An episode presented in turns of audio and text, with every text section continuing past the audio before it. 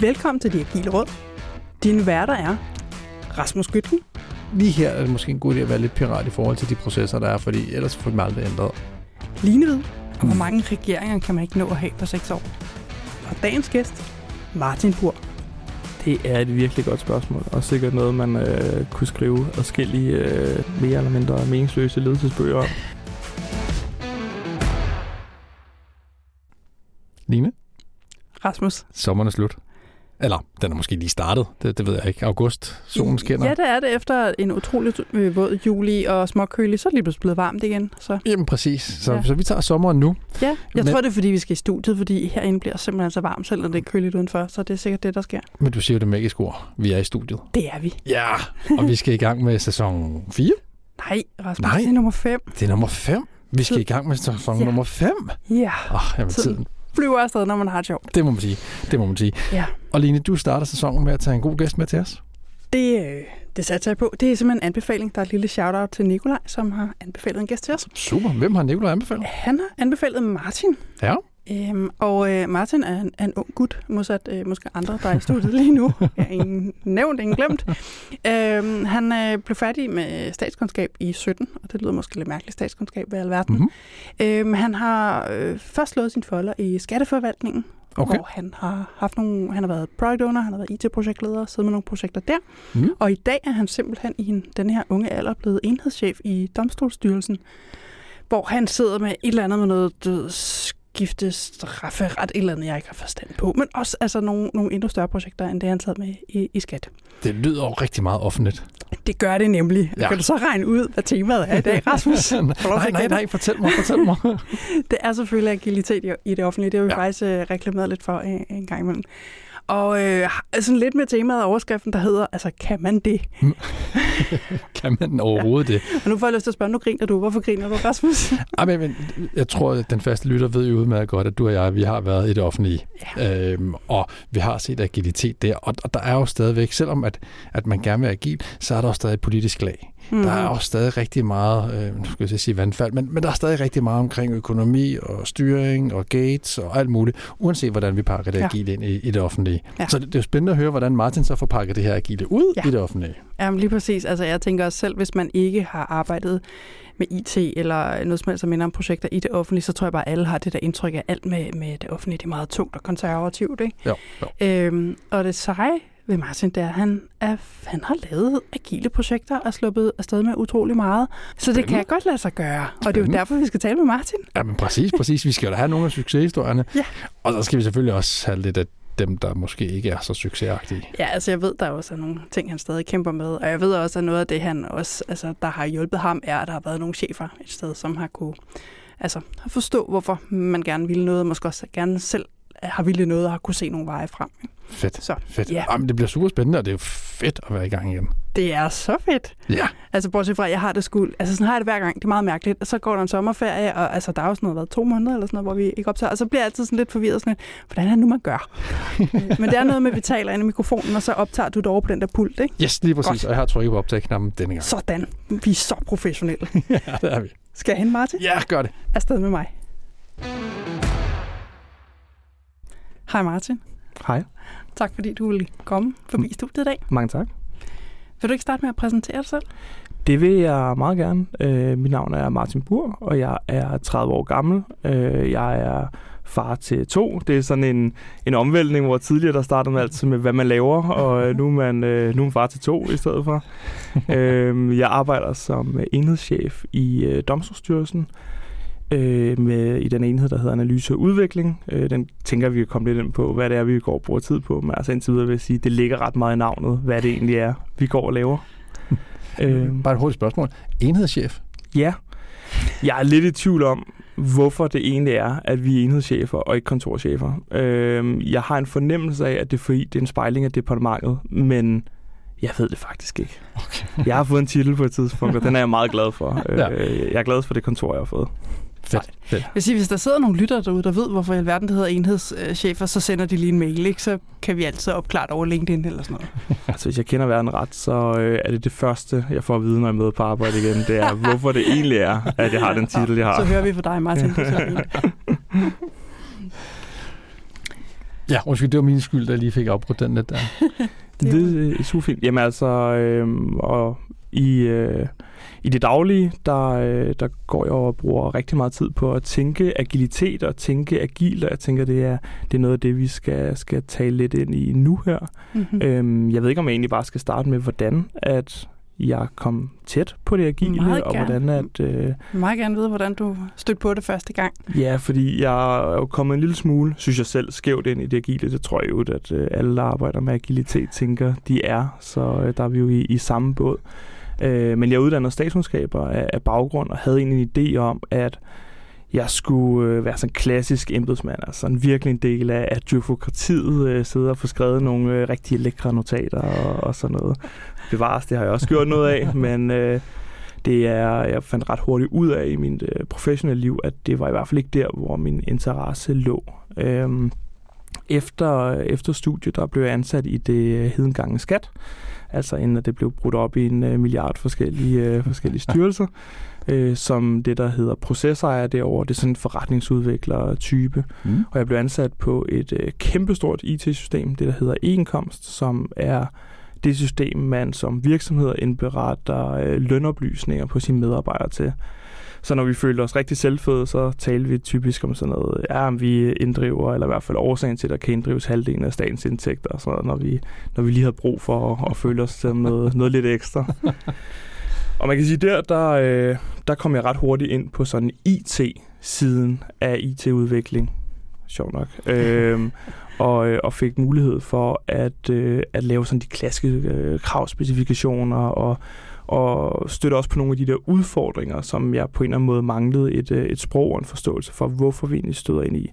Altså det helt klassiske, selvom, øh, selvom samarbejdet mellem os processejere og vores systemejere og, øh, og vores leverandør var super godt, og det har jeg jo den fornemmelse af, at det stadig er, øh, så skete det ret ofte, at vi fik skrevet noget i de her kravspecifikationer, som ikke kom tilbage på den måde, vi havde forestillet os. Og det var jo ikke fordi, at vi var øh, tummer, der ikke kunne finde ud af at skrive, eller vores leverandør var idioter, der ikke kunne finde ud af at læse. Men det var fordi, at der manglede et eller andet sådan check-in løbende. Der manglede ligesom den der sådan fælles puls, hvor man hele tiden kunne få, få talt omkring, hvad er det egentlig, vi er i gang med at lave, og vi er på vej den rigtige vej. Mm. Og så til et, øh, et morgenmøde, en, en fredag morgen, der er en af mine øh, virkelig dygtige kollegaer, en der hedder Lars Henrik, han, øh, han havde det privilegie at arbejde som øh, product owner og han skulle ligesom fortælle os lidt om, hvad er Scrum egentlig for noget. Øhm, og der satte det sig rigtig meget i mig, specielt det med, at han brugte en analogi med, at jamen, det at arbejde agilt, det er at spænde en bue op og sigte efter et mål, der er et eller andet sted ude i, i horisonten. Men at få muligheden, efter man har sluppet pilen, ikke nødvendigvis for at vende den 180 grader, men for sådan at notche den, og prøve at se, om ikke vi kan ramme den der skive lidt bedre, end hvad vi egentlig kunne på, øh, på lang distance. Og det satte sig, øh, det satte sig i mig var sådan en, en, en tanke, der, der gnævede i mig i, øh, i et relativt øh, langt stykke tid. Øh, og så havde han snakket med min daværende chef, som var en helt fantastisk chef, øh, og sagde, jamen, jeg kunne da egentlig godt tænke mig at prøve at arbejde, øh, arbejde agilt, arbejde som PO, øh, og det var ligesom starten på at, at komme ind i den verden. Øh, jeg tror, som mange andre, så skylder jeg nok skat en, en hel del. Fordi øh, da jeg blev, øh, og det er der ikke så mange, der siger, eller det er der nogen, der siger, men... det er snakke opkrævning om.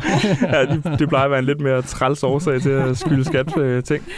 Men øh, jeg, jeg blev ligesom ansat på et tidspunkt, hvor der var der været ansættelsestop i mange år, og der var plads til, at man kunne komme ind og nærmest få lov til at lave, hvad man ville.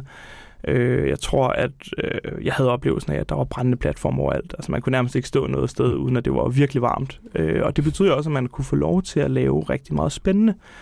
Og det betyder sådan en lidt sådan en, en ung grønskånding som mig kunne få lov til at, at prøve kræfter med noget, som jeg måske ikke var helt klar på, men, øh, men simpelthen fordi der manglede bare folk til det. Og det var ligesom min vej øh, ind i det agile helt til at, at starte med. Jeg er helt vild med, med, med den, som du snakker omkring buen, der bliver spændt op, og muligheden for at, at, at påvirke pilen derudad. For, for det er jo sindssygt vigtigt, at vi ikke bare har de der typiske offentlige projekter, hvor vi laver kravspæk, og så om tre år, så ser vi, om vi reelt set har fået noget ud af det. Jeg tror, det er sådan lidt en... Øh, altså, det er blevet lidt en, en truisme i øh, de inderste dele af, af departementerne og sådan de, de styrende led, at man er i stand til at beskrive, hvad man rent faktisk vil lave tidligt. Og det kan man bare ikke. Nej. Øh, og det er jo derfor, vi, øh, vi er mange, der prøver at kæmpe en kamp for, jamen lad os prøve at gøre tingene en lille smule anderledes. Øh, I hvert fald, når vi selv udvikler vores, øh, vores løsninger. Ja, så er der jo også noget, der simpelthen ikke kan lade sig gøre, at man forsøger med ord for det meste, altså nogle enkelte wireframes måske, at beskrive noget, der reelt er visuelt og ikke mindst interaktivt. Altså, det kan jo ikke lade sig gøre. Ja, Eller også bliver det meget, meget langt for at beskrive, at du trykker på en knap, ikke? Ja, ja, og altså held og lykke med at få det ud i den kontekst, det nu skal ja. være i, og få, fordi en ting det er at lave løsninger og lave, lave ting, som er fede eller mindre fede, men en anden ting det er hele den øh, kultur, det skal ud og, og eksistere i. Og der tror jeg altså bare fuld og fast på, at medmindre man virkelig har et standardproblem, og derfor kan købe en standardløsning, så tror jeg virkelig, at man bliver nødt til at, at tage det i etapper og tage det i, i steps, for simpelthen både at få sikret udvikling af på rette vej, men også sikre de folk, der skal bruge de her løsninger, jamen, at man får hævet de input ind, som, mm. øh, som er nødvendige for at kunne, øh, kunne sikre, at vi laver de rigtige løsninger. Ja. Og så er det jo også lidt spændende, at, øh, at man nogle gange tror, man kan gætte på, jamen, hvad er det egentlig for et produkt, vi skal have klar om seks år. Altså, der går virkelig lang tid. Ikke? Halvanden folketingssamling, og bare når vi tænker seks år tilbage, vi har været igennem en, en coronakrise ja. og alt muligt andet i den periode. Altså, der har virkelig sket meget på den tid. Ja. Og hvor mange regeringer kan man ikke nå at have på seks år? Altså. Man kan ja, se det. Hvis det går rigtig galt, kan man nå at have 12. oh yes.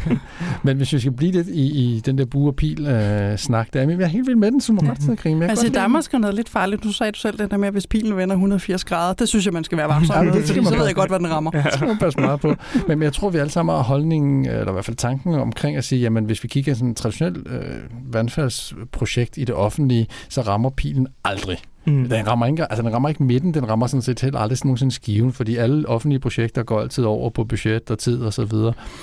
Kan man så i det agile, i det offentlige, overhovedet påvirke den her pil? Kan vi få den til at ramme skiven? Og der tror jeg, at øh, det projekt, som jeg blev, øh, blev product owner på til at starte med, er sådan en meget god case for, øh, hvordan noget kan lykkes, eller i hvert fald, hvordan rammerne kan, kan være for, at, at det kan lykkes. Øh, jeg kom ud og arbejde sammen med nogle folk, der var øh, sad lidt en silo for sig selv. Øh, der var, øh, det handlede om at være innovativ. Øh, det handlede om at tænke tingene anderledes. Og jeg tror, mange i den der sådan kæmpe store, brede skatteforvaltning synes, at det var sådan lidt nogle hippier, der sad derovre. hvilket det jo på en eller anden måde også er. Men det betød, at der var mindre øh, metodisk oversight. Og det betød, at vi fik ret meget øh, frihed til at designe vores arbejdsprocesser og, og hele tiden tilpasse, hvordan er det egentlig, vi, øh, vi gør tingene det havde selvfølgelig været fremragende, hvis at der havde været nogle super øh, dygtige folk, som havde mange, mange års erfaring til lige at guide os lidt i gang øh, til at starte med, men, men det måtte vi jo så selv prøve at, at finde ud af. Men det betyder for eksempel, at øh, vi løb på et tidspunkt i det helt klassiske problem. Øh, udviklerne, de, øh, de er trætte af, at vi ikke får lukket vores sprints. Altså vi får simpelthen skrevet nogle opgaver, som vi synes er død gode, og jeg som PO på det tidspunkt jo virkelig synes var, var fantastisk. Ikke? Det skal man jo helst gøre. Men, men de, var, de var ikke refined godt nok. De, de åbnede sig op midt i sprintsene og blev bare meget større og mere komplekse, end vi egentlig havde, havde forventet. Og det var hver gang. Og hvis at der var et, øh, et tungt rammeværk for, jamen, hvornår er det egentlig, vi, øh, vi refiner, hvordan er det, vi gør det, hvem er det, der skal være med, jamen, så havde vi sådan set ikke rigtig haft muligheden for at tilpasse. Men vi havde, fordi der ikke rigtig var de der sådan tunge metodiske øjne på os, jamen så havde vi muligheden for at prøve at vi endte med at overkorrigere en hel del, hvilket er også en del af processen, men ligesom at sige, okay nu, vi er enige om den her problemstilling. Hele Scrum-teamet er enige om den her problemstilling. Lad os prøve at tale om, om øh, de løsningsmuligheder, der er, og så lad os prøve at, at eksekvere på det. Og så på et tidspunkt, så fik vi en sted, hvor vi fik refinet alt for meget, og så var der også brok til PO'en over, øh, over det. øhm, og så kunne vi ligesom stille og roligt øh, trække os tilbage på et, øh, et fornuftigt leje. Og det er, det er lidt der, jeg tror, man skal i det hele taget, i hvert fald i de der sådan mellemstore projekter i det offentlige, prøve at se som ledelse, både som mellemledelse, som jeg jo selv repræsenterer nu, men også som topledelse, hvordan kan vi give øh, så frie rammer som overhovedet muligt, til at de enkelte teams selv kan påvirke, hvordan de arbejder. Øh, både fordi, og det bliver jo super fortærsket på en eller anden måde, for man ved det jo godt, altså to teams arbejder ikke ens. Mm. Når, øh, når et team estimerer, jamen, så kan det være, at der er nogen, der er meget mere risiko at være end, end det andet team, og det, det skaber bare nogle, nogle forskelle, som man jo egentlig bør værdsætte, fordi det gør, at man har forskellige kompetencer, man har forskellige folk, der kan løse forskellige opgaver. Men det gør selvfølgelig også, at man som, måske mest som topledelse, skal turde give lidt slip på, mm. Hvad er det egentlig, øh, altså, hvordan er det egentlig, jeg arbejder? Afrapporterer I på den rigtige måde? Det helt klassiske spørgsmål, øh, hvad koster et story point? Så sådan nogle ting skal man måske ture give lidt mere slip på.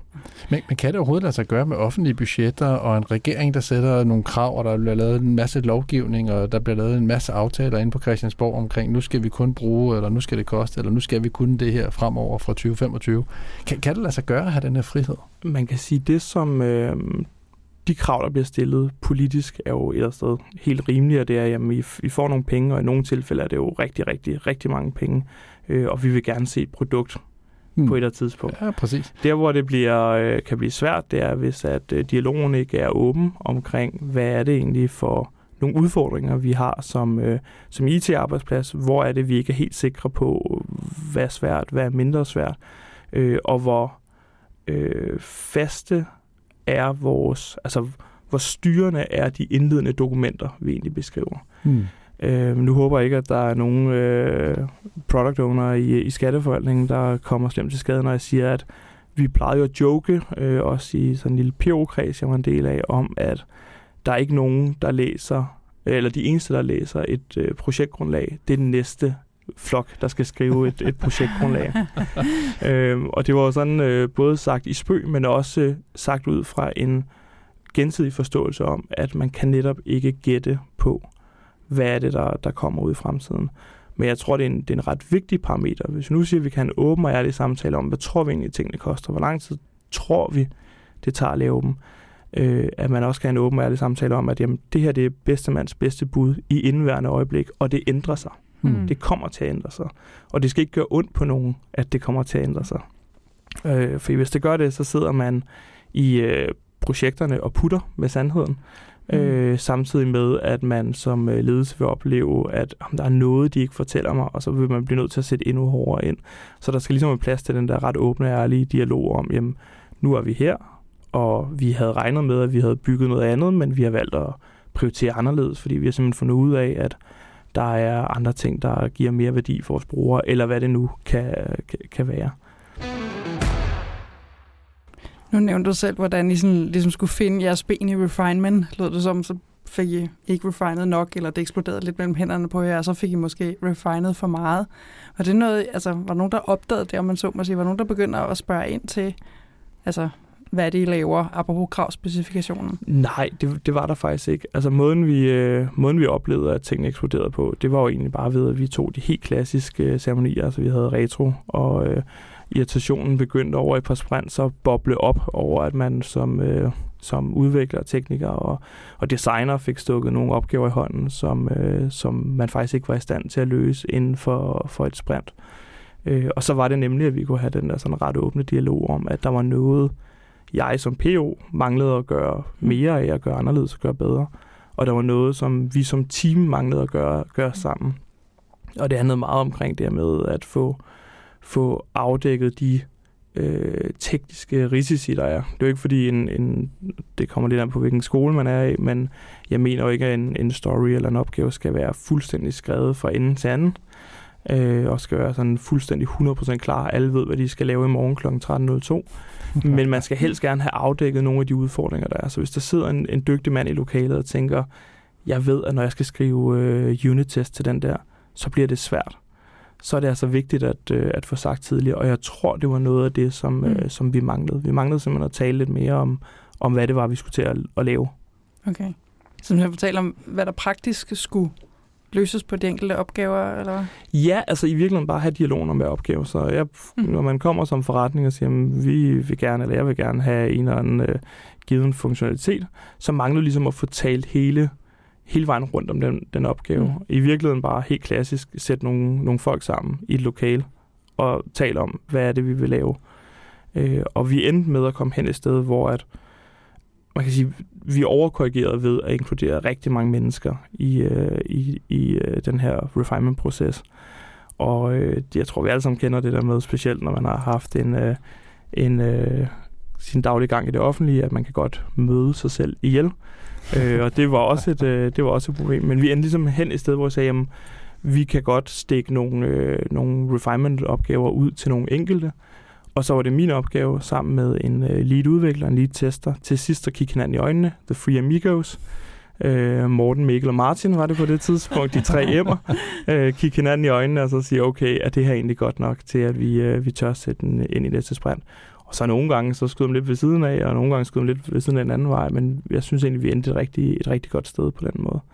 Og igen, det var muligt, fordi at vi havde noget ledelse på det tidspunkt, som ikke kom og dikterede, hvordan er det egentlig, vi skal gøre det her.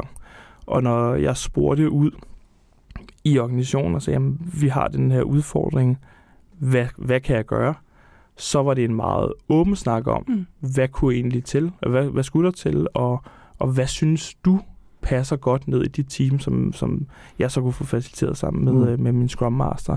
Der var ikke nogen, der kom og sagde, I er virkelig øh, nogle, øh, nogle fjolser for ikke at gjort lige nøjagtigt det her, og det gør I i morgen, fordi det er bare sådan, sådan det er. Øh, og den frihed, den gjorde noget, noget rigtig, rigtig godt. Mm. Det gjorde det virkelig. Ja. Nu nævnte du også øh, lidt tidligere, noget med, at, at så er der måske nogen, der kommer og siger, spørg, hvad koster et story point? Og så bliver jeg sådan lidt nysgerrig, om det er et spørgsmål, du har fået, og hvis du har, hvad, hvad svarer man så, Martin? ja, det er et spørgsmål, man øh, ret ofte får. Øh, også fordi, at når man sidder, og det, det kender jeg jo et eller andet sted selv, når man er djøffer af baggrund, øh, at man, man ser et tal, der eksisterer et sted ude i, i virkeligheden, når man tænker, det tal der, det kan jeg lave matematik på. Det er virkelig fedt, det der tal. øhm, I skat, der handlede det om at gå lidt med på præmissen, og så prøve at finde ud af, jamen, hvordan, kan vi, hvordan kan vi bruge det her og omsætte det til nogle grafer, hvor vi er sikre på, at vi også fortæller den historie, vi nu føler er rigtig. Så øh, det, øh, vi blev nødt til at lave lidt, øh, lidt talmagi en gang imellem, men det handlede simpelthen om, at hvis vi følte, vi var bagud, så måtte grafen ikke, altså så måtte den burn-up, vi lavede, den måtte ikke vise til modsat, og hvis vi følte, vi var foran, så ville det være virkelig træls, hvis, at, hvis den viste, at vi var, vi var bagud. Så det betød, at vi blev nødt til at lave nogle tilpasninger til den her sådan visuelle præsentation, som jo i bund og grund handler om, hvad koster et storypoint? I dag i, i Domstolsstyrelsen, der, der bruger vi det ikke til andet end en snak om kompleksitet, som jo egentlig er det, det er tiltænkt. Jeg synes noget er to, du synes noget er fem. Lad os lige prøve at tage en snak om, øh, er du en dødbyder, der ser for mange udfordringer, eller er en jubeloptimist, der har overset det eller andet? Øhm, og der har min, min ledelse, de har valgt at gå ind i det og sige, at det er i hvert fald indtil videre ikke den måde, vi, øh, vi gerne vil have afrapporteret på. Og det er bare, altså, det er super fedt. Og det kræver noget mod at sige, jamen, der ligger et lækkert tal dernede, men vi har faktisk ikke tænkt os at, at bruge det. Det, det er noget. vores, det er vores. Det, I får simpelthen ikke lov til at se det, kære leder. Jeg synes, det, jeg synes, det er super fedt, fordi jeg, jeg har også mødt organisationer, som begynder at måle på story points. Jamen, I er ikke et godt team, før I leverer 50 story points, og vi ved alle sammen, hvad der så sker, jamen, så bliver estimaterne bare derefter. Øh, og så, så leverer man lige pludselig alle de her story points, selvom man ikke leverer mere værdi. Jeg er sådan lidt interesseret i at høre, jamen, hvad, hvad sker der så med alle de her offentlige budgetter og regnskaber og ting og sager, der nu bliver sat op? Jamen, I må gerne grine. Det er okay igen. Jeg, jeg, jeg, jeg føler griner, mig faktisk ikke. Du griner af mig meget. Nej, nej, nej. Jeg griner udelukkende, fordi jeg synes, det er en lille smule synd, hvis Martin skal hænge sig op på alle offentlige budgetter. Nej, nej, nej, nej, det skal han overhovedet ikke, Martin. Det, det, det er kun derfor. Det er overhovedet ikke med på den måde. Det er kun, fordi jeg er rent nysgerrig. Fordi jeg, jeg, jeg tror, vi alle sammen vi har, vi har ved godt, at budgettet, som jeg sagde også tidligere, løber over. Øh, vi, vi kommer aldrig nogensinde ind for, for rammen og alle de her ting.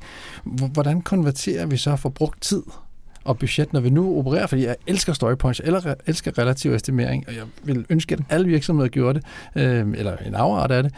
Men hvordan, når vi nu er afhængige af timer, og det er jo der også andre steder end, end kun i det offentlige. Der er også mange private virksomheder, som stadig er nødt til at have noget timer, fordi der er måske mange konsulenter, eller hvad ved jeg. Der er nogen, der er nødt til at have en eller anden form for afregning. Hvordan, hvordan konverterer vi? Ja, altså man kan sige, i en, øh, en virkelighed, som den er i, den, i det politiske eller i, i det offentlige, hvor der ikke bare er en øh, sådan value stream fond, hvor man kan blive ved med at, at køre det af og udvikle det, som er højst prioriteret og giver bedst mening, så bliver man selvfølgelig nødt til at holde styr på sin økonomi på en eller anden måde.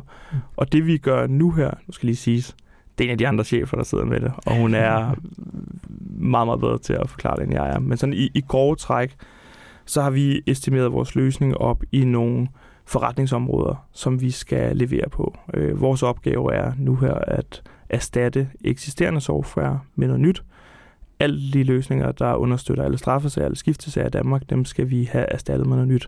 Så der er ligesom nogle ret pænt afgrænsede forretningsområder. Der taler vi ikke så meget den tekniske platform, men vi taler mere forretningsområder. Og der har vi delt løsninger op i nogle, i nogle releases, og der er noget økonomi koblet på dem. Øh, og de kan godt flyttes rundt på, hvis nu man har brug for at flytte noget funktionalitet fra, øh, fra noget, der ligger langt ud i fremtiden og tilbage, eller, eller den anden vej. Men det betyder også, at når vi så går i luften med en, en delleverance, så har vi faktisk noget, der kan øh, måles ret tydeligt op imod, hvad vi sagde, det ville koste. Vi sagde, at den her dims, der understøtter øh, kravanmeldelser imod dødsbo, den vil koste X, og nu koster den så X. Vi har været ret heldige. øh, og og det, det synes jeg egentlig er en ret god måde at gøre det på. Så det der med, at, øh, og det kommer igen an på, hvad er det for en størrelse af, af IT, projekt eller program, man er, man er ude i.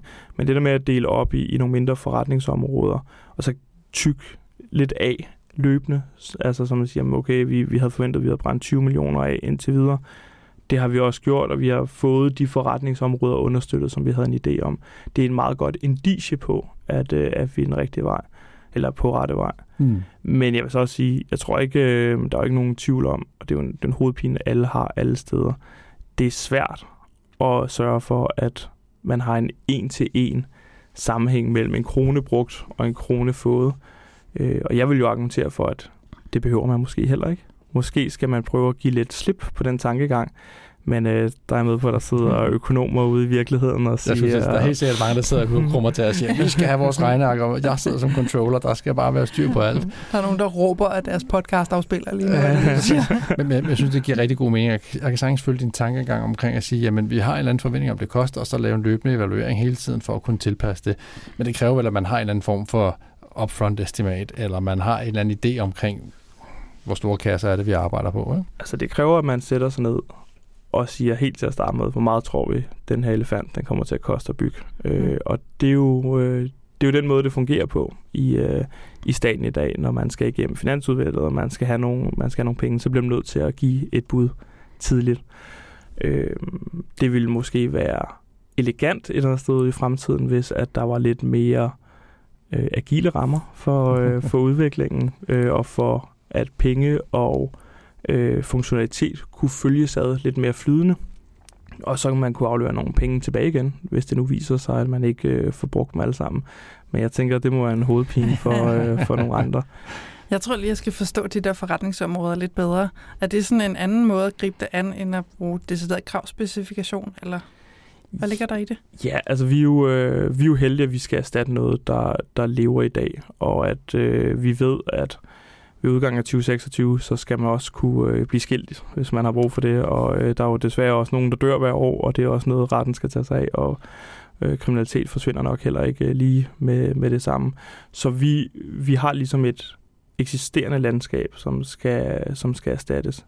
Vi erstatter ikke en til en, men vi erstatter i, øh, i store træskolængder, kan man sige. Så for eksempel i maj, der satte vi en løsning i luften, hvor at hvis man nu øh, får en fartbøde, og man ikke betaler den, jamen, så bliver den øh, indmeldt til retten, og det har været, altså det er en meget tung papirborgen proces, det har det i hvert fald været, indtil vi har sat øh, vores løsning i, i luften her i maj. Og der har vi ligesom sagt, jamen okay, det her, der hedder øh, øh, forenklede bødesager, jamen det, øh, det skal vi erstatte, og det har vi en eller anden idé om, at vi skal vi skal have en eller anden forbindelse til politiet, og vi skal have en eller anden frontend, der kan gøre et eller andet relativt simpelt, og vi skal have en backend, der skal kunne håndtere et eller andet. Men det er ligesom på det niveau, mm. vi har, vi har ja. estimeret. Og det betyder også, at øh, nogle af de dygtige folk, jeg har i min enhed, nogle af dem, der kommer ude for forretningen, jamen de er faktisk, øh, der er plads til, at man kan tænke processerne om, og man kan tænke arbejdsgangene om, fordi vi jo egentlig bare siger, forenklet bødesager kører i dag, det skal også køre i morgen og lad os finde den bedste måde at få mm. det til at køre på i morgen.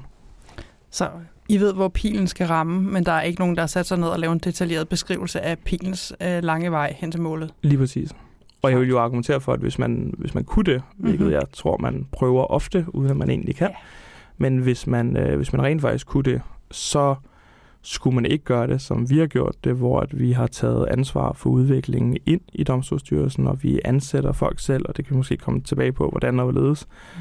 Øh, men så skulle man egentlig bare lægge det ud i et udbud til konsulenthus, øh, fordi man har jo man ved 100% hvad er det egentlig, der skal laves. Mm. Jeg tror mange gange, når det kører galt, så er det fordi, man egentlig ikke helt ved, hvad, hvad er det egentlig, der skal laves. Man kan ikke beskrive den der vej hen, hen til målet. Det kendetegner jo rigtig, rigtig mange IT-projekter. Altså, jeg tror, det er der mange, der har sagt i det her studie efterhånden, at jamen, vi kan da godt køre en vandfaldsprojekt, hvis du, øh, eller vandfaldsplan, hvis du er fuldstændig sikker på, hvad, hvad du skal have, og hvis du ved, hvad der skal gøres. Men hvor mange IT-projekter ser sådan ud? Det altså, er det. De fleste IT-projekter kommer jo en kæmpe black box, hvor man bare sådan, vi har ingen enelse om, hvad der foregår herinde. Vi ved bare, at vi skal derhen. Og men omvendt så vil jeg så også sige, at hvis vi vidste alt fra starten af, altså hvis vi vidste, hvor lang tid ting tog, hvad det ville koste, så ville der aldrig blive sat noget i værk. Der ville aldrig starte Hmm. projekter, fordi det, vi ville vide, det var for dyrt. Vi ville ikke få bygget et nyt DR-by, eller et nyt skattesystem til ejendomsvurdering eller noget. Så jeg tror, det er meget godt en gang med, at vi ikke er helt så skarpe.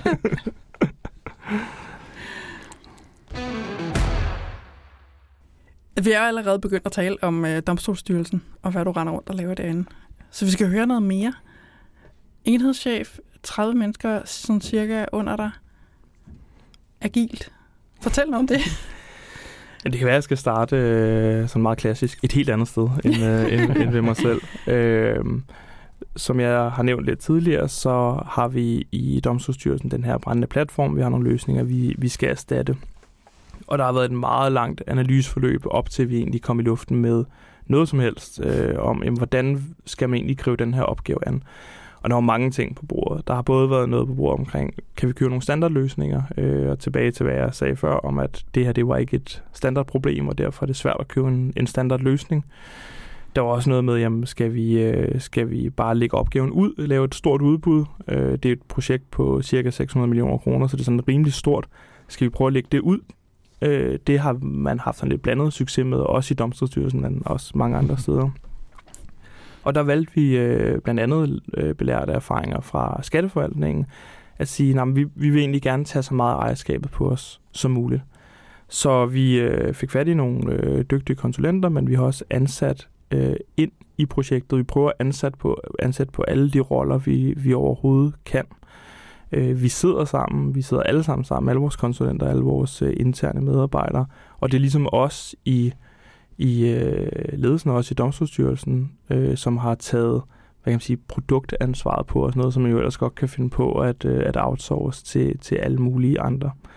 Vi har så en, øh, en tidslinje, der løber sådan frem til, til 2026, hvor vi skal have erstattet de her, de her løsninger, som er i luften med nogle nye, moderne, tidsvarende, super fede og lækre løsninger, som øh, både vores øh, kollegaer ude ved retterne, der er cirka 2500 mennesker, der skal bruge de her løsninger ude ved retterne, men sådan set også alle mulige andre. Øh, nærmest øh, hver eneste dansker kommer til på en eller anden måde at stifte bekendtskab med, med de her løsninger, så det skal helst være noget, der, der virker og er, og er fedt at bruge. Og i straffeskifteprogrammet, der har vi tre forskellige øh, enheder, tre forskellige kontorer. Vi har et øh, styringskontor, som tager sig af øh, af, altså de der afrapporteringer opad til, tager sig af meget notatskrivningen. I virkeligheden er et, øh, et skjold for, at øh, vi i min enhed kan få lov til at fokusere på produktet. Det er også en ret stor læring, øh, og det er ret fedt, at vi kan gøre det på den måde. Der er ligesom nogle folk, der tager sig af mange af de opgaver, som ellers ville fylde meget i, øh, i udviklingen. Så er der en, øh, en enhed, der tager sig af infrastruktur, øh, arkitektur, sikkerhed, øh, sådan de lidt lavere dele af stakken, hvis man skal sige det på den måde. Og så er det min enhed, analyse og udvikling, øh, som laver det, der ligger i, i navnet. Altså vi analyserer og vi udvikler de løsninger, der skal, skal sættes i luften over de næste par år. Og øh, det gør vi i en ret stor flok mennesker. Der er øh, tre fuldstændig udviklingsteams, som består af udviklere, teknisk testere, øh, product owner og scrum master. Øh, så er der et interaktionsdesign team, som er en altså kæmpe, kæmpe hjælp, og i øvrigt også noget, som jeg føler, man burde dyrke mere mange andre steder, end hvad man gør, for det er en kæmpe kompetence at have siddende. Og så øh, er der forretningsspecialister, som er folk, der er hævet ind direkte ud på virkeligheden. Det er sagsbehandlere ud for retterne, øh, dommerfuldmægtige, som er med til at sørge for, at både at de løsninger, vi laver, er de fedest mulige til dem og deres kollegaer, men også sørge for, at vi forstår, hvad er det egentlig for en kompleks virkelighed, man lever i derude. det er relativt let som en eller anden form for pseudo it mand at kigge på et eller andet procesdiagram og sige, det her, det kan jeg også godt bygge. Men det er ret vigtigt, at der sidder nogen og siger, jo jo, det er fint nok, at vi kan bygge den her proces, men du skal lige huske, jeg har samtidig en, øh, en grædende enke i røret, som er dybt ulykkelig over, at hendes mand er død alt for tidligt. Og jeg skal guide vedkommende igennem en, en meget, meget svær og tung hjemledet proces. Mm. Og derfor så går det ikke, at IT-løsningen ser sådan ud, men den skal i virkeligheden understøtte det her også. Mm. Ja. Ja, jamen det, det giver sindssygt god mening, og jeg, jeg er vild med det, du siger omkring, at, at I tager produktansvaret. Øh, fordi jeg, jeg har set flere steder, øh, både som Scrum Master, men også som Agile Coach, at der er nogen, der kommer ind og siger, jamen vi kan godt outsource de her roller til eksterne konsulenter. Vi kan godt tage en Scrum Master, en Product Owner, en eller anden til eksterne konsulenter. Og det, der sker efter et halvt år, det er, at der ryger noget budget, og så ryger der noget viden. Så, så som borger i landet, så er jeg glad for, at vores penge går til noget mm-hmm. godt, og ikke kun til konsulenter. Det sidder jeg så siger, som, som ekstern konsulent, og rigtig gerne vil ind alle mulige andre steder at arbejde. Men, men, men det er super fedt, at I har taget den der netop for, ja. for, for at forankre og for ejerskabet af det. Altså man kan sige, at vi havde også til at starte med brug for øh, for eksempel eksterne øh, Scrum Master, der kunne hjælpe med ligesom at, at komme med noget tungt metodehåndværk. Mm. Øh, Domstolsstyrelsen er ikke så stor en styrelse, så det er ikke kompetencer, der sådan bare flyder til højre og venstre. Men vi har netop stille og roligt konverteret til, mm. øh, til interne. Det er også lykkedes at ansætte øh, en god håndfuld af de der sådan meget tunge tekniske profiler og udviklere og tekniske tester. Øhm, og det er mega svært, og det er jo noget, som er sindssygt tungt arbejde for, for sådan mellemlederen, men det er vigtigt, ikke kun fordi, at øh, det er billigere, og man derfor kan få mere for, for pengene og levere mere for skattekronernes øh, penge, end man ellers kunne, men også fordi, at jeg mener virkelig, at det at opbygge en IT-organisation handler om, eller en organisation i det hele taget, mm-hmm. lad os nu mhm. lige tale om IT, handler om at opbygge øh, kultur, Mm. Det handler om at opbygge øh, kompetence, og det handler om at opbygge sådan en vi fede følelse. Og det er bare meget lettere, hvis man har nogen mm. siddende, altså interne på alle øh, de forskellige øh, områder, i hvert fald så, så vidt muligt. Vi har også gjort meget ud af, at øh, hvis man nu går igennem vores, øh, vores etager ude på Gamle Mønt, hvor vi sidder, jamen øh, så vil det være svært at se, hvem er egentlig interne, hvem er egentlig eksterne. Vi har ikke øh, mindre skrivebord til eksterne konsulenter, som øh, man ellers ser andre steder. andre steder yes. det, det har vi, vi har gjort ret meget ud af, at jamen, vi er bare én ting. Og det er interne og eksterne, der mødes til vores fyraftensklubber og, og til de sociale begivenheder, vi, øh, vi ellers har. Mm. Øh, og det har virkelig gjort noget godt. Øh, mm. Vi har jo også, så vidt muligt, forsøgt ikke kun at ansætte fra, øh, fra et konsulenthus, man kan sige, der er en masse udbudsregler og en masse skiaftaler, som man jo bliver nødt til at, at leve op til. Men vi har virkelig prøvet at, øh, at sådan bodypicke, håndplukke folk, så der ikke sidder et hus, der har team A, og et andet hus, der har team mm. B, men vi ligesom får blandet det lidt. Og det ved jeg, det er sådan lidt en hot potato, alt efter hvem man taler om. Øh, jeg har mødt folk, der siger, at det der det er jo fuldstændig vanvittigt, det prøvede vi også, og det kollapsede, men, men for os fungerer det ret godt. Jeg kan ikke lade være med at tænke på, at man så netop kommer til at på en eller anden måde eje teamet mere. Altså, det går mig, der bare er naiv. Men netop, når du som siger, man selv vælger dem, og så får de forhåbentlig den fælles dagsorden, der hedder teamet, og ikke konsulenthuset. Det er i hvert fald jeg også synes, vores oplevelse. Ja, at, det giver mening, øh, synes jeg. Mm. Det, bliver, det bliver meget, ja, det bliver meget okay, det lyder forkert, indadskuende, men på en god måde ja. ind i teamet, i stedet ja. for at det bliver at kigge sig over skulderen og, og hjem ja. til, hvor end man nu, øh, man nu kommer fra.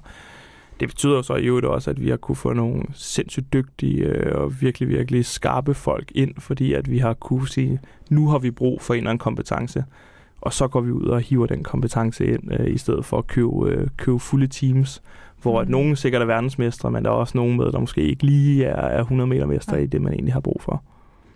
Det lyder så på mig som om, at I har en mega fed kultur Øh, og det, det er jo også noget, I skal værne om. Altså det, som du siger, at lederne skal give, skal give frihed, og måske ikke blande sig så for meget ned af mikrostyre eller micromanagement. Og netop også derfor tænker jeg, at det er super vigtigt, den tilgang, I har til det med at sige, at det er teams, der skal føle som om, at de er en del af domstolsstyrelsen, uanset om de er interne eller eksterne. Og det er jo også noget, der skal værnes om, uanset hvordan vi, vi kan lide at bruge offentlige midler eller ej. Det er i hvert fald noget, der øh, bliver talt meget op i, øh, i ledergruppen, og vi, vi taler meget om, hvordan at vi bliver ved med at bibeholde, øh, bibeholde den sådan os fælles øh, mm. forståelse, der er. Øh, og det er ikke kun blandt mig og mine øh, mine kollegaer sådan på mellemlederniveau, men det er altså også øh, opad, at man har en helt klar forståelse for, at det her det er noget ret særligt, øh, mm. og det er, det er ret vigtigt, det vi gør. Er det så særligt i domstolsstyrelsen? Fordi jeg sidder og tænker, at der må være mange arbejds, altså offentlige arbejdspladser derude, hvor jamen, så er det måske netop altså konsulenthuset, man hiver ind og meget er outsourcet.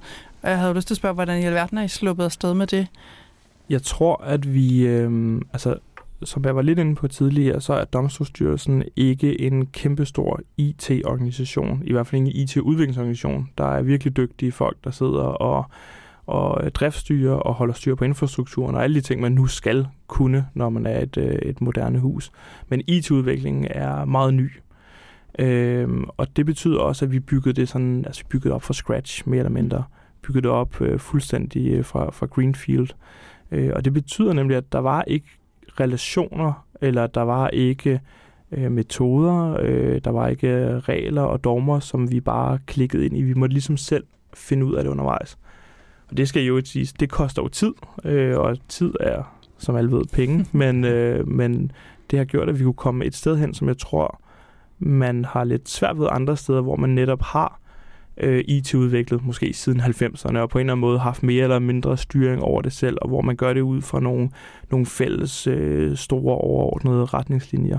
Øh, der giver det altså, og jeg bliver ved med at tale om frihed, men, men der giver det altså nogle frihedsrammer, at vi stod og sagde, jamen, vi ønsker at gøre det selv. Okay, hvordan, hvordan gør vi så egentlig det? Mm. Mm.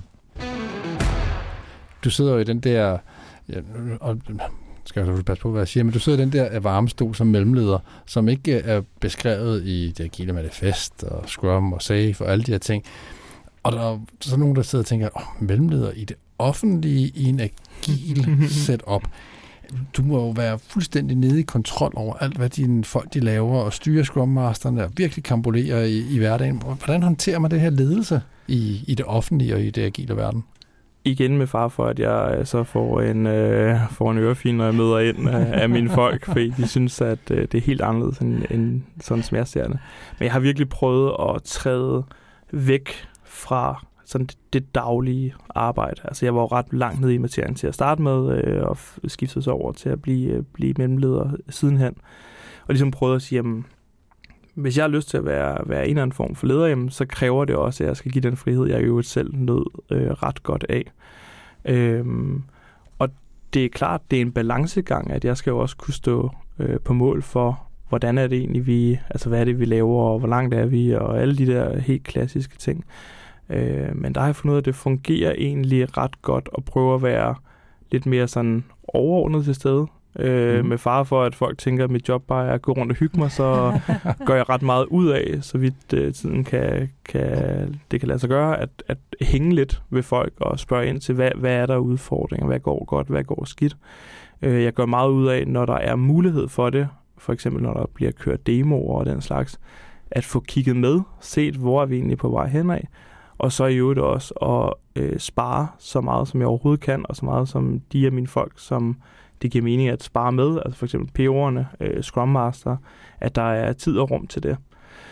I øvrigt så har jeg også et lille, kan man sige, sådan et product management team, hvor at, øh, jeg selv sidder, min PO'er, min Scrum Master, øh, og øh, så min lead for øh, interaktionsdesignerne sidder, og vi, vi mødes øh, i hvert fald en hel dag om måneden, og ligesom taler ned i, okay, hvordan er det, vores, øh, vores roadmap ser ud nu her? Har vi brug for at lave noget om? Er der behov for at, øh, at låne ressourcer hos hinanden. Det er sådan lidt nyere tiltag, men det, det mm. tror jeg egentlig er, øh, hvis der er brug for mellemledelse i, øh, i, i et agilt setup. Øh, hej chef, lad være med at fyre mig. øh, men hvis der er behov for mellemledelse, det tror jeg sådan set, at der er, fordi der er mange andre kontekster, der også handler om sygefravær og mus-samtaler og øh, trivsel og øh, kaffen i kaffemaskinen skal altså også være øh, ordentlig, og alt den slags, øh, som også er vigtigt. Mm. Øhm, men ja, hvis der er behov for sådan en som mig til det også, så tror jeg egentlig, det er ret godt at sætte op det. Man siger, lad os tale om de lidt mere overordnede rammer, og så prøve at have tillid til, at de folk, som jeg har ansat, som er enormt dygtige, at øh, de også kommer til mig og fortæller om de udfordringer, der, der nu er. Og så lad os prøve at takle dem sammen, når det så er, at de kommer. Hvordan bevarer du balancen? Så nu går du rundt og siger, jeg hygger. Øh, og jeg tænker, at i princippet, altså, nu kan jeg jo for, altså, nu hvor du sidder derovre, og du er rar ved siden af mikrofonen, så jeg tænker, det gør du sikkert godt, men er der ikke en risiko for, at man så måske, så er det nu chefen, der overvåger mig? Hvordan laver man den der balance, at det er hygge at tjekke ind, og ikke jeg kommer lige at kontrollere, hvad du laver? Det er et virkelig godt spørgsmål, og sikkert noget, man øh, kunne skrive adskillige øh, mere, eller mindre, mere eller mindre meningsløse ledelsesbøger om. øhm, jeg, jeg tror egentlig bare, at jeg prøver at gå, altså, jeg går egentlig bare til det sådan ret oprigtigt, fordi mm. jeg er mega nysgerrig på, hvad, hvad folk laver, men øh, jeg kommer aldrig og og øh, beder folk om at øh, lægge kortene på bordet. Sådan, okay, har I lavet den her opgave? Eller øh, I fik ikke lukket sidste sprint. Hvorfor gjorde I ikke det? øh, det er en snak, man kan have med en, øh, en Scrum Master, mm. stille og roligt i stedet for at, at tale med folk i teamet om. Når jeg er rundt og, og hygger mig, så handler det rigtig meget om at se, jamen, hvad, hvad er det egentlig, der, der fylder på gangene, og hvad er det egentlig, øh, folk de sidder og, og bruger tid med. Og så i øvrigt også, når man er øh, djøffer af baggrund, så gør det ikke noget, at man lige prøver at samle lidt op på, hvad er det egentlig for noget, vi sidder og arbejder med, og hvad er det, teknologierne kan, og hvad er det, vi sidder og, og pusler med for tiden. Du sagde til mig, at du synes, det er vigtigt at holde fast i produktfokus, selvom du er blevet chef. Men samtidig er det svært. Det er svært. Sig noget om det. Jamen, det er jo svært, fordi at man, øh, selvom jeg ikke oplever et øh, tryk øh, oppefra på at være, øh, er vi på tidslinjerne, og, og, og hvad koster StoryPoint, og alt, alt den slags, så det, at man træder et skridt væk fra produktet, gør, at man godt kan forfalde til selv at tænke nogle af de tanker. Og der tror jeg, det er, det er vigtigt at finde den rigtige balancegang mellem, at vi skal kunne tale åbent og ærligt om, arbejder vi med det rigtige, og føler vi, at vi ligesom får lukket de ting, vi, vi skal lukke, øh, samtidig med, at vi skal have en mindst lige så vigtig snak, måske faktisk endnu mere vigtig snak om, laver vi også det rigtige? Øh, og er, det, er produktet der, hvor vi gerne vil, vil have, det skal være?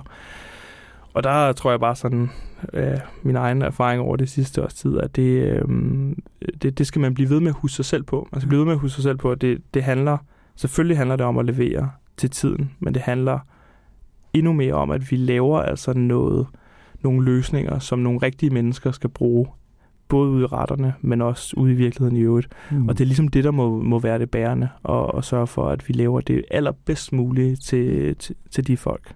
Altså det er måske lidt djævelske spørgsmål. Har du et eksempel på, både hvor du tænkte, ej, der lykkedes jeg sgu meget godt med at ramme den der balance, og så måske også et eksempel på, hvor, åh, der var det svært. Altså, øh, jeg, jeg har øh, jeg har sådan løbende løbet ind i øh, små problemer, hvor at der er nogen, der har trukket fat i mig og sagt, hvordan, hvordan synes du egentlig, vi skal gøre det her? Og hvor at jeg har været meget villig til at sige, jeg synes, vi skal gøre et eller andet. øh, og det, det tror jeg, jeg skal blive bedre til at, at lade være med. Øh, både fordi, at man øh, opgaverne søger derhen, hvor de bliver løst, øh, og det er måske ikke, øh, altså jeg er ikke den bedste til at løse de opgaver, så der er ikke nogen grund til, til at sidde med dem. Øh, men også fordi det tager jo øh, ret kostbar tid fra, øh, fra alt muligt andet. Øh, så så det, det, er sådan, det er meget nogle små ting, og det er altså meget nogle ad hoc ting, og det mm. har været meget i forhold til nogle af de løsninger, som vi har sat i luften allerede, og nogle af dem, hvor jeg har været sådan ret dybt ned i materien af mm. god grund. Øh, og det har været lidt svært lige at, at, at træde, øh, træde tilbage. Jeg synes, at som vi... Øh, som tiden er gået fremad, og vi er begyndt at arbejde på nye ting, og der er kommet mange nye folk til, som ligesom tager de her opgaver på sig, så bliver, så bliver det lettere og lettere at gå rundt og være, kan man sige, nysgerrig på, hvad vi laver, og ikke være sådan øh, øh, anspændt over, hvad det er, vi går og, og bruger vores tid på. Nu fik jeg spurgt det der med altså, produktfokus. Og jeg ved også, du har så sagt, der er noget om de der tidsplaner, altså, ja. som er svære, og der måske også er noget forskel på at være PO og være, være chef. Ja, altså vi har, vi har allerede været lidt inde på øh, min øh, øh, hysteri omkring at skulle se seks år ud i fremtiden, eller mere i, i nogle tilfælde. Øhm, og jeg tror, alle, der har fået lov til at arbejde bare en lille smule med ikke engang det agile, men, og ikke engang IT-udvikling, men bare projekter i det hele mhm. taget ved, at det er virkelig svært at regne ud, hvad er det egentlig, vi laver den 2. december 2024. Øh, det er faktisk ret tæt på umuligt. Øhm, og der øh, har jeg i hvert fald selv oplevet, at når man er, øh, er PO, og man har en chef, hvor man føler, at der er ret god rygdækning for, hvad end man nu laver, øh, i hvert fald så længe man, øh, man gør sig umage, og vi prøver at levere det, som vi, vi nu skal, jamen så, så har man også følelsen af, at der er nogen, der ligesom beskytter en, hvis det er, at vi begynder at udfordre, øh, udfordre den tidsplan, der nu er. Øh, vi blev i, i mit gamle projekt ramt af corona for eksempel, og der, hmm. der fandt vi bare ret hurtigt ud af, at det koster altså noget på, øh, på, på fremdriften. Men det var ikke fordi, at der var sådan en nervøsitet over det, fordi Øh, både fordi vi var, vi var lidt under budget, men også fordi, at, at der netop var noget, noget sådan nær mellemledelse, som, som ville tage kampen for os, hvis, øh, hvis, det nu, hvis det nu var. Jeg kan så høre, når jeg taler med øh, mine bekendte og venner rundt omkring, som, øh, som arbejder i det offentlige øh, og arbejder med IT, at det jo ikke altid helt er, er sådan, det, det forholder sig. og der tror jeg, at vi i øh, Domstolsstyrelsen har ramt en model, som er øh, ret fed, som giver den fornødne fleksibilitet, og uden at vi behøver at øh, tale uden om, øh, om de problemer, der nu måtte være. Vi lavede, øh, det var noget af det første, jeg var med til at lave, da jeg blev ansat, vi lavede en, en releaseplan, som netop var de her overordnede områder, brudt ned i en masse, en masse forskellige funktioner og kasser og teknologier og alt muligt andet, og så sagde vi ligesom, okay, vi udruller med de her intervaller og på de her tidspunkter. Og vi fandt øh, relativt hurtigt ud af, at nogen måske burde have tænkt over Folketingets årsjul, fordi at vi skal have, vi er tungt hjemlede, og vi skal typisk have noget lov med ud, og det kunne man sige, burde ham statskundskaberne ikke lige have tænkt over det, og burde jeg nok lige have tænkt over, men, men det, øh, det, det, gjorde jeg, det gjorde jeg ikke. Øhm, så der, øh, der endte vi med at korrigere vores øh, releaseplan til, blandt andet på grund af det, men også fordi der er ting, der gav mening at lave øh, sammen og før og senere. Øh, og noget af det, der var øh, ret interessant, synes jeg, det var, at vi, vi ville jo ikke, øh, vi ville nødigt undgå en eller anden form for rødt trafiklys hos øh, Statens IT-råd, øh, når nu vi ikke følte, at vi skulle have et rødt trafiklys, for vi var egentlig meget godt med, vi ville bare gerne lave tingene i en lidt anden rækkefølge. Så vi øh, inviterede øh, IT-rådet ind til et møde og ligesom klagede vores nød og sagde, at vi, vi kunne egentlig godt tænke os at, lave om på vores releaseplan for at mitigere nogle risici, for at imødekomme øh, lovhjulet, og der var en, en masse andre øh, øh udfordringer, vi også gerne ville, øh, ville øh, tilgodese. Og der var IT-rådet altså helt med på den. De var helt med på den. Der budskabet var bare, altså så længe I gør det, fordi I synes, det er det, der giver mest mening, så skal I gøre det. Mm. Øh, og øh, med min beskeden erfaring omkring øh, det organ, så havde jeg i hvert fald en forestilling om, at det ville blive en helt anden øh, respons, vi ville få. Øh, men det var det overhovedet ikke, og det siger måske også noget om, at om end at mange har arbejdet øh, agilt øh, siden 90'erne, så, øh, så er det måske begyndt at tage, altså, tage et indtog ind i nogle lidt mere øh, mm. øh, klassisk øh, Prins 2-områder, som for eksempel, øh, som for eksempel hos, øh, hos IT-rådet. Og det var bare øh, det var en, det var en super fed oplevelse, og det gør jo, at vi er i stand til at øh, pivotere, når der er, er behov for det, øh, og vi kan have en åben snak om, er der noget, vi skal prioritere at lave nu, i stedet for senere, eller noget, vi gerne vil lave senere, i, i stedet for nu. Og mm. det kan man ikke, hvis den der tidsplan er cementeret. Altså, jo, det kan man, hvis man så lyver omkring, mm. hvad man laver, men, men det kan man ikke, hvis man har cementeret tidsplanen mm. i øvrigt. Øh, og det er virkelig noget, jeg vil anbefale andre folk at, at prøve at finde ud af, hvordan laver vi en tidsplan, som er fleksibel nok til, at vi kan, kan imødekomme den kontekst, vi nu er i, i et eller andet givet øh, årstal et eller andet sted i fremtiden. Og eventuelt invitere IT-råd på kaffe, fordi de er til at snakke med. det er de nemlig. øh. Dagens øh, gode råd. ja, flere kaffeaftaler med IT-råd. Men jeg, jeg synes jo, det er mega fedt at høre, fordi det, det, det byder jo virkelig ind i det agile. Altså transparens og den her empiriske tilgang, øh, som vi gerne vil have. Altså vi tager vores beslutninger baseret på erfaringer og viden, som vi har, og ikke nødvendigvis noget, vi gætter og tror. Selvfølgelig skal der være plads til hypoteser, og vi skal teste alle mulige ting af, men så tager vi så op påvirker og ændrer vores mm. øh, hvad hedder det, agile planer og tidsplaner. Det er jo en mega fed tilgang, og slet ikke noget, jeg forestiller mig, der kunne ske i det offentlige. Nej, det tror jeg egentlig heller ikke rigtigt, jeg havde forestillet mig. Og øh, når man hører om, om domstolsstyrelsen, så tænker man måske også, det kan godt lyde lidt støvet. Det er det overhovedet ikke, så søg de stillinger. men, øh, men, men man kunne måske godt have en idé om, at det ville være en meget konservativ måde at, at gå til det her på. Og det siger jo noget om, hvad kan man sige, også den øverste ledelse i, mm. i huset, at man har valgt at, øh, at gå ind i det her med, med hud og hår, og gå fuldt ud ind i det og sige, mm. hvis det er det, som øh, ledergruppen og medarbejderne kommer og siger, at det er nok det rigtige at gøre, så lad os, øh, lad os prøve at se, om ikke vi kan få det til at ske. Hvis, hvis du skal give et godt råd til, til dem, der arbejder agilt i det offentlige, øh, og det, det tænker jeg, det kan være på, på alle mulige lederniveauer øh, eller på, på teamsniveau. Hvad er det bedste råd? Det vil være at give så øh, mange, altså meget frihed til et enkelt team som overhovedet muligt. Øh, Øh, man finder ud af, at de folk, man ansætter, de er ansat ind til en opgave, de synes er enormt spændende. Og hvis man giver dem frihed til at udfolde sig så meget, som det nu er, er muligt, jamen, så vil de også levere de allerbedst mulige løsninger. Øh, det, det tror jeg vil være sådan. Og det er jo super fluffet, og hvad betyder det egentlig overhovedet? Og det betyder nok forskellige ting i, i forskellige kontekster. Jeg har selv nyt rigtig godt af at have ledere, som øh, man altid kan komme til, og man altså kunne, kunne spare med at sige, nu er jeg faktisk løbet panden mod en mur, øh, men hvor der egentlig var frirum til netop at løbe, løbe ind i den der mur. Mm. Øh, og det betyder også, at man både på, på mellemlederniveau, men også på, på toplederniveau, skal ture sige, øh, vi behøver måske ikke at have sådan øh, hånden nede i den, i den daglige styring, men vi følger måske med i, i de demoer, der er, og ligesom ser, at tingene de, øh, de øh, ser ud, som de skal, og holde op, tingene, tingene udvikler sig, man i øvrigt prøver at give, øh, give frirum til, til de enkelte teams. Nå, du ved meget godt. Vi kan godt lide at tale om det agile manifest, og vi har talt rigtig meget om værdierne i de første sæsoner. Nu er tiden kommet til principper, og du har allerede valgt et princip, som jeg nu vil forsøge at læse op på som sædvanligt på virkelig godt engelsk. Vi undskylder på forhånd. Our highest priority is to satisfy the customer through early and continuous delivery of valuable software. Hvorfor har du valgt det?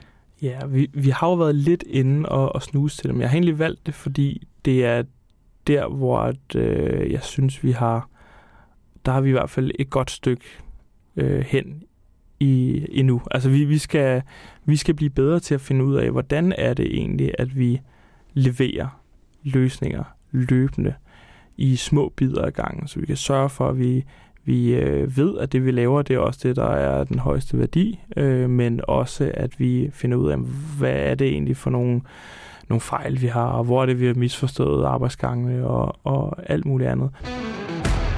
Så er der det sidste og måske vigtigste spørgsmål i en podcast. Hvis der nu sidder nogen derude, der tænker, Martin, jeg skal høre noget mere, hvor kan man så finde dig hen? Så synes jeg, man skal finde mig på LinkedIn, øh, Martin Bur. Der er ikke så mange af os, så jeg er helt sikkert, øh, sikkert til at finde. Jeg lover også, at vi linker til dig i show notes, så det bliver rigtig nemt at finde. Skønt. Tusind tak, fordi du vil være med. Tak, for, at jeg måtte komme. Tusind tak. Line, jeg, jeg synes, det var god gæst, du har taget med os til os i dag. Jamen, jeg er også vældig tilfreds, og jeg vil absolut ikke tage æren for noget som helst, fordi som jeg sagde i starten, altså det var simpelthen Nikolaj, der anbefalede Martin. Så tak for det. Det Jamen, var fantastisk. Helt sikkert, helt sikkert. Agilitet i, det offentlige. Mm-hmm. Altså, jeg, jeg byder jo mærke i, i flere ting. Mm-hmm. Øhm, men jeg kunne godt tænke mig at høre, hvad, hvad, hvad synes du? uh, så giver du sådan en lille teaser, og så smider du den direkte over til mig. Præcis. Værsgo. Altså, jeg tror, hvis jeg bare skulle... Jeg tror, at jeg kunne sætte et banner, fordi der er en ting, som jeg synes gik rigtig meget igen, og det var den her frihed, han talte om. Frihed og åbenhed. At man har... Altså, selvfølgelig både åbenheden i, hvad vi laver, og, det, øh, og friheden til at, at selv at vælge. Og jeg synes jo, der bare var sådan en gennemgående tema, der bare hedder, så snakker vi om det. Og vi er jo sådan lidt inde, altså det er sådan noget, vi, vi tit har talt om, synes jeg, det der med, det er bare ikke særlig sexet nogle gange. Altså det ser ikke godt ud på en powerpoint, men det der virker, der er, ja, vi sætter os ned med en kaffe og snakker lige om det, ikke? Jo, lige præcis. Og jeg har den også skrevet ned, øh, netop lige præcis mere frihed til teams. Og jeg, jeg holder altså stadig fast i, jeg tror på, at man skal være pirat, og det tror jeg ikke ja. kun er i det offentlige, jeg tror også, det er alle mulige andre steder. Nogle gange som leder, oh, yes. så skal man gå lidt imod strømmen. Øh, det er også noget, jeg siger til teams, når jeg er ude og arbejde med dem, og sige, jamen lige her er det måske en god idé at være lidt pirat i forhold til de processer, der er, fordi ellers får vi aldrig ændret. Og jeg tror mm. lidt det er samme omkring øh, ledelse, især i det offentlige også. Man er sgu nødt til at gå imod strøm. Man er nødt mm. til at mm. følge sin, uh, sin instinkt, og man er nødt til at følge det, der giver mening. Ja. Og så må man skulle tage skideballen bagefter. Helt sikkert. Eller også gøre det, som altså Martin jo fortalte, han gjorde det her med at så simpelthen altså, tage snakken. Mm. Fortælle, hvorfor man gerne vil gøre det på den måde, eller gøre det på den måde. Og så selvfølgelig have den samme åbenhed tilbage, ikke? for der er jo en grund til, også en jurist eller en eller anden IT-sikkerhedsperson holder fast i et eller andet. Mm. Og det skal mm. man selvfølgelig også være åben for, og så finder man middel, eller mellemgrunden, eller hvad det hedder. Ikke? Jo, jo, lige præcis. Lige præcis. Transparent, øh, empirisk tilgang, og så adapt. Øh, Inspect and adapt, mm. jeg vil sige. Det er super fedt. Ja. Fedt, fedt, fedt. Jeg havde også en, en ting omkring at bryde opgaver ned i mindre størrelser. Mm. Og jeg ved godt, det er sådan noget, vi snakker om, og alle Mhm. sidder og siger, jamen det gør vi det også. Vi kører MVP-tilgang, og selvfølgelig bryder vi dem der ned i mindre features. Det jeg bare mener, det er, det som jeg forstod på Martin, det var, at de har taget deres store, komplekse system, så har de brudt det ned i små forretningsområder, ja. inden de prøver at bryde det ned mm. i små features og i MVP-løsninger. Altså det der med at tage nu det store, komplekse fra starten af og lave en logisk opdeling, sige, jamen det her det har noget at gøre med nu kan jeg ikke huske, hvad det var, han snakkede om, omkring domstolene, eller skifteretssager, eller hvad det nu end kan være. Bryd det nu ned fra start af. Ja. Ja. Jeg er helt vild med tankegang omkring at lave den her opdeling af systemerne. Ja, også fordi det lød i hvert fald på mig som om, at det sådan måske også bliver nemmere, det der med at finde ud af, okay, hvad er det for en målskive, vi går efter. Fordi hvis du skal Mm. lave en målskive, som altså alle pilene skal ramme, så kan det måske hurtigt blive noget råd at sige, her er et forretningsområde, og her er en målskive for det. Ja. Og så er det det, vi går efter. Og så er det den, vi bryder længere ned i nogle små MVP'er, ikke? Ja. Præcis. Og det, den kan du godt få en plus en på heroverfra. Det, det, den er fin. Fedt. Jeg har, jeg har skrevet en anden ting også. Mm-hmm. Øh, ansatte frem for konsulenter. Ja, men altså, den havde jeg også her. Altså, ja. Den der kæphest, den, den, den kan jeg være med på. Ja, og, og det lyder måske sådan lidt mærkeligt at sidde som, som ekstern konsulent og Mhm. så sige, jamen for hulen sørg nu for at have en exitplan på de konsulenter, I hyrer ind.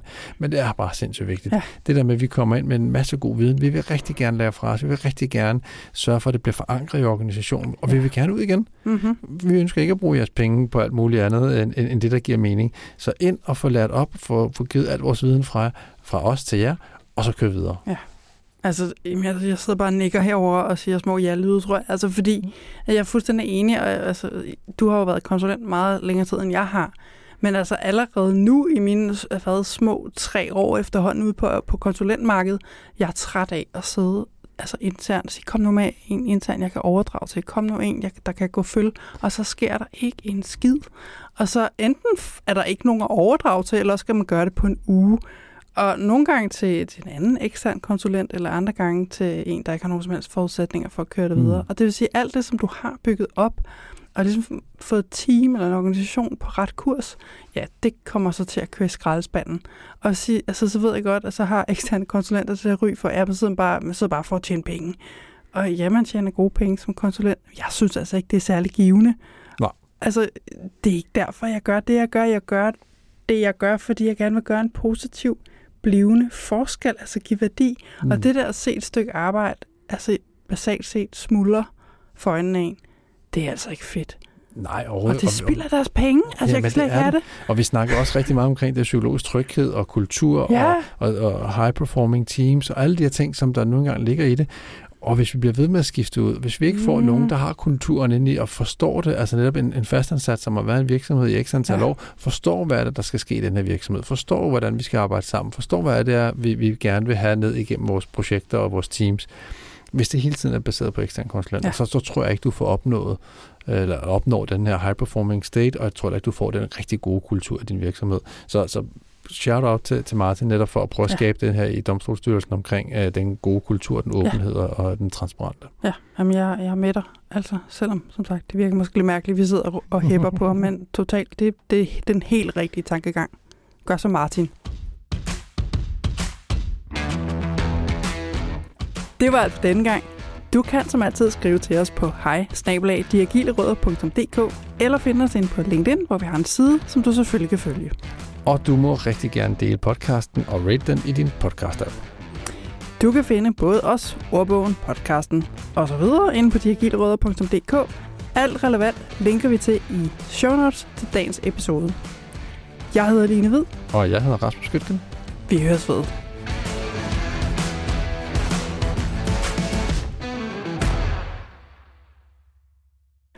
Det var alt for denne gang. Nej, nu, nu sidder jeg og fniser. Nu går det igen.